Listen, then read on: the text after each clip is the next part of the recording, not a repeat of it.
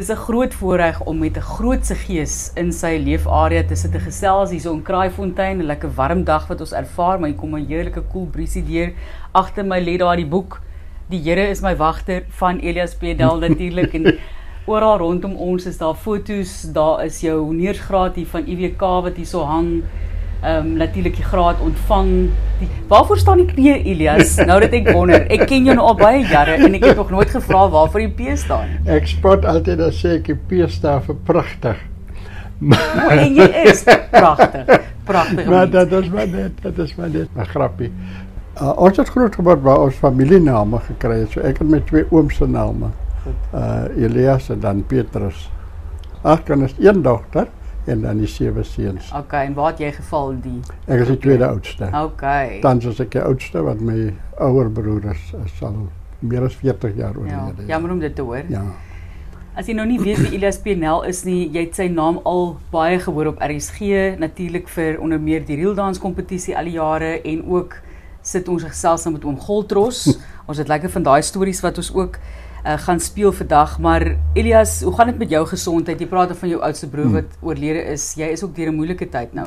Ja, ek, ek het veral hier in van 2007 eintlik 'n bietjie vroeër, maar op die diabetes was die ergste 2017, 18 en dan ook 19.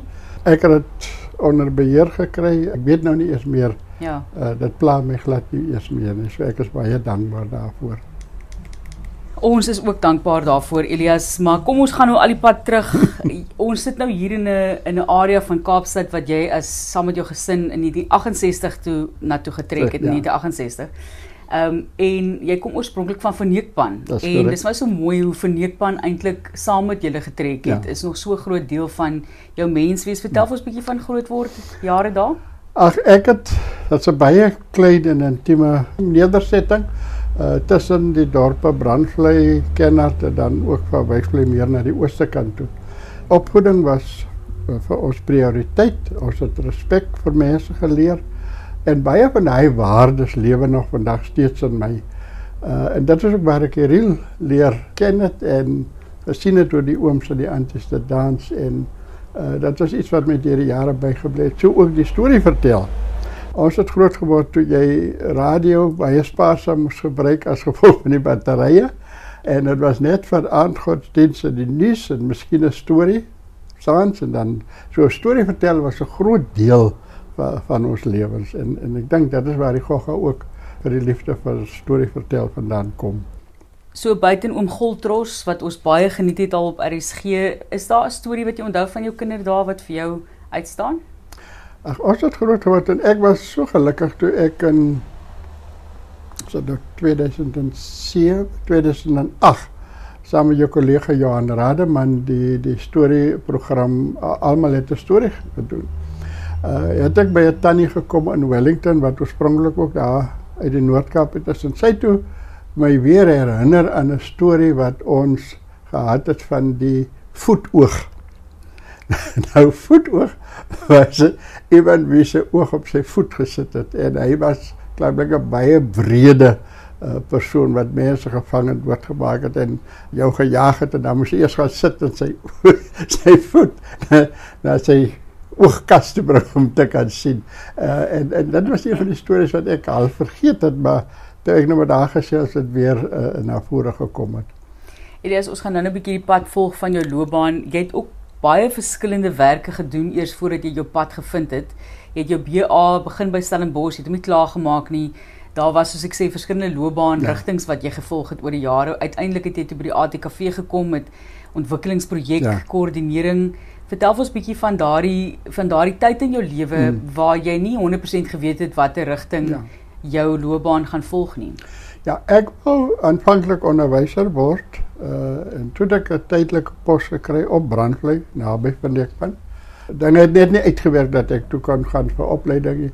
Toe ek meubels verkoop, ek het 'n bietjie op die spoorweë gewerk.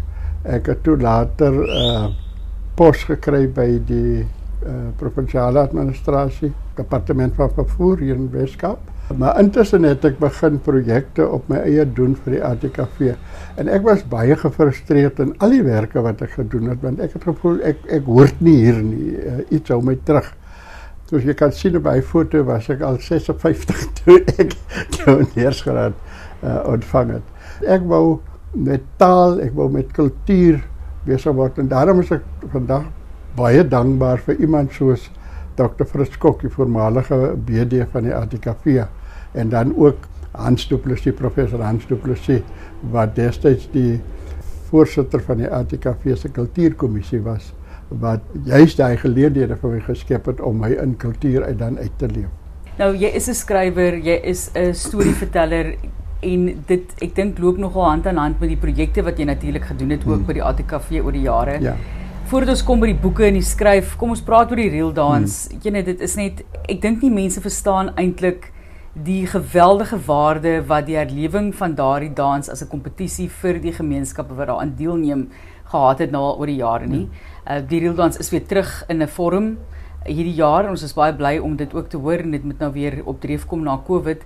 Maar vertel ons net van daai idee. Hoekom jy besluit het juffrou Julia wat ook al die jare ene sy het ook baie hard gewerk ja. om die dinge sukses te maak. Ek was altyd geïnteresseerd in die real wanneer ek 'n geleentheid gehad het uh, as ons dalk sou afgaan het ek my tussen die ooms en die anties bevind wat wat die reël gedans het natuurlik met tot uh, sport van my maats in partiergroep maar uh, ek kon ook nie verstaan hoekom ek nie kon wegbreek en meer by die moderne tipe danse dit het ek wel gedoen en daarin ook belang gestel maar daar was net iets wat my na die reël toe gedryf het. Ek besef toe later baie jare later dat daai nuuskierigheid van my, daai betrokkenheid dat hy daar wil wees by die reel was eintlik soos ek voorberei is vir 'n werk wat ek baie later in my lewe moes doen. Ja. Wanneer ons gereeld afgaan en toe ek nou al volwasse man is, wanneer ons afbeweeg en ek vra vir die mense word die reel gedans, dan is daar miskien een huisgesinnetjie of daar's een persoon wat dit kon doen en dit het my gepla. En ek en prof Hans Du Plessis het een oggend in die vliegtuig op pad Johannesburg toe en ek noem aan hom hierdie behoefte van my om hierdie dans te laat herleef. Op daai stadium het ek nog nie vir die ATKP gewerk nie. En hy het toe dit aan Friskok gemeld en op hulle sê die res is geskiedenis. Ek moes 'n voorlegging doen, dis aanvaar en hulle het my toe ook sommer aangestel en daai het die real dance begin en die groot pluspunt vir my is uh dit was gewoon 'n dans vir die ouer mense Maar toe die kompetisie begin het, die jong mense begin inkoop daarop. En in baie opsigte is die lewe maar baie uitsigloos in hy platlandse dorpie as gevolg van 'n klomp uh invloede, negatiewe invloede. So was die een ding, maar ek dink ook wat 'n groot rol gespeel het was daai inkoop en daai terugeis van 'n kultuur wat ons as minder al die jare geag het. Ja. En dit is die vertelling van stories vir mense wat dalk nou vir die eerste keer luister en nog nooit gehoor het van die Kabara. Ek weet ek spreek dit nie reg. Mm. Helemaal ek ek mik, maar ja, nie 100% korrek nie. Die real dance, eh, dit is 'n man wat byvoorbeeld aan die vrou die hof maak ja. of uh, die uitbeelding van 'n van 'n bok of hoe ja. dit ook al sê. So dit is storievertelling met dans in die stof om 'n vuur. Ja, ja, absoluut. Ek weet dit is nou baie vereenvoudiging ja, ja. Uh, van hierdie kultuurvorm. Dis korrek navorsers soos uh, Percival Kirby en George Stoneman en ander het byvoorbeeld uh, dit die seksspel genoem uh, omdat dit is waar die mans diere naboots om hulle viriliteit uh, tentoon te stel. En dit is 'n baie belangrike aspek van die reël en dan natuurlik die satiriese aard op baie van die liedjies byvoorbeeld kom dans kom dans alletjie net se gaans. Dan is daar die die die uitbeelding van diere, voëls byvoorbeeld uh, en dit het alles te doen met die paringstonele van byvoorbeeld 'n kalkoen, 'n duif, selfs 'n volstrys en en so meer.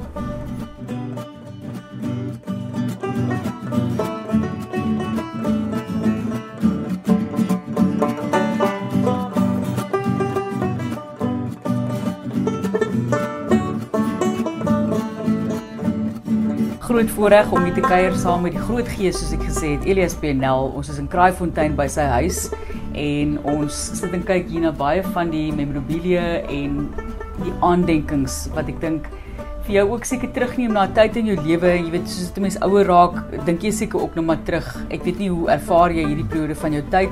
Ehm um, is jy bedrywig dalk met 'n nuwe projek? Jy moet maar vir ons bietjie sê, skryf jy of word daar darm gereeld stories getel vertel hierso by die huis? Ja, ons vertel nog gereeld stories. Uh, ek is bevoorreg om vier kleindogters en een kleinseun te hê. Moeder, ja, hallo, julle is besig. Hulle is besig vir al oor naweke. Ek self het verlede jaar die omdigting of die herskryf van Bybelse teks in uh die Bushmalandse tongval van Gariep Afrikaans gedoen. En dan was ek ook betrokke by by 'n projek waar ek gevra is om skrywerswerkswinkels aan te bied. Die uiteinde daarvan 'n uh, digbundel en hier moet ek ook weer die die Dagbreek Trust uh bedank. Die digbundel uh saamgestelde digbundel uh met omtrent so 23 24 digters uh getiteld Woordenaars.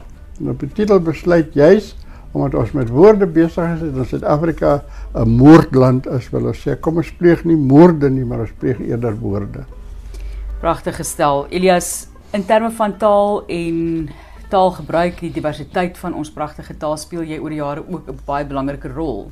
Hoe ervaar jy daardie posisie binne Afrikaans as skrywer? Ek dink ek en ek herhaal dit nou tot vervelings toe maar ek al graag vir DF Malherbe aan uh, wat in 1924 gesê het wie op die terrein van die volkse idioom skatkes werk moet by alle waters drink? En dan noem hy die see die riviere die fonteine en die syfer uh, gate. En ek dink die taal wat ek oor die jare probeer herposisioneer binne in die groter Afrikaans is dalk maar die syfergat die soos ons dit leer ken na die gorra wat in 'n droë rivier loop uh, gegrawe word. En dit is vir my verskriklik belangrik en ek is juist nou besig om te kyk of ek nie uh, kan teruggaan en 'n soort van 'n opname maak van daai woorde en idioom wat bestaan juist omdat die ouer geslag uitsterf en die jonger mense wat tussen die stede of die groter dorpe en en verneekpan of die bos groter bosmeland migreer hulle dis nou dalk 'n lelike woord maar volgens my kontamineer hulle daai unieke uh, taalgebruik, hy tongval wat so eie is aan 'n plek en en 'n streek.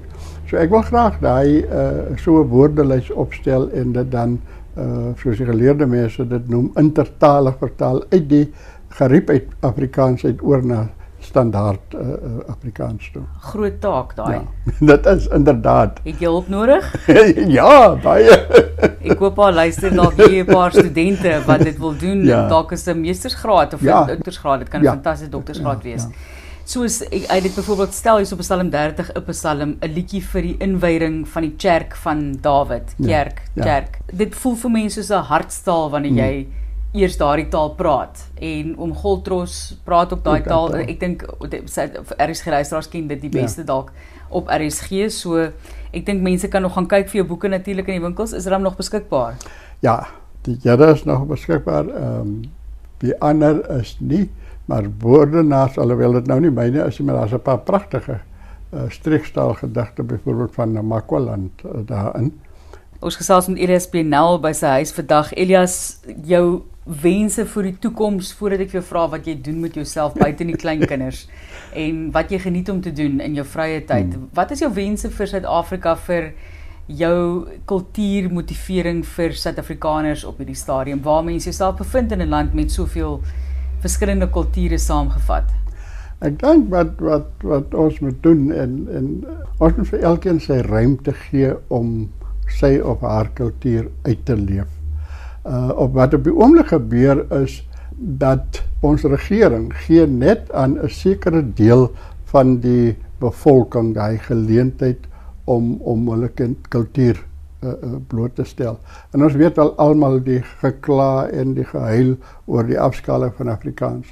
Maar ek dink wat ons moet doen, ons moet steeds voortgaan om Afrikaans te praat. En wat ek met woordenaars probeer doen, ek het ek het 3 doelwitte gehad. Die eerste is om beginnerskrywers te te publiseer. Die tweede is om die boeke so bekostigbaar as moontlik in die gemeenskap betrokke te kry. En weer eens moet ek vandag breek uh trust uh, bedank wat hulle het die hele publikasie van daai bundel uh, geborg met ons gemeenskappe aan die leeskry en ek glo en ek weet dit vir 'n feit dat mense alreeds baie ver gelees het aan aan aan aan woordenaars.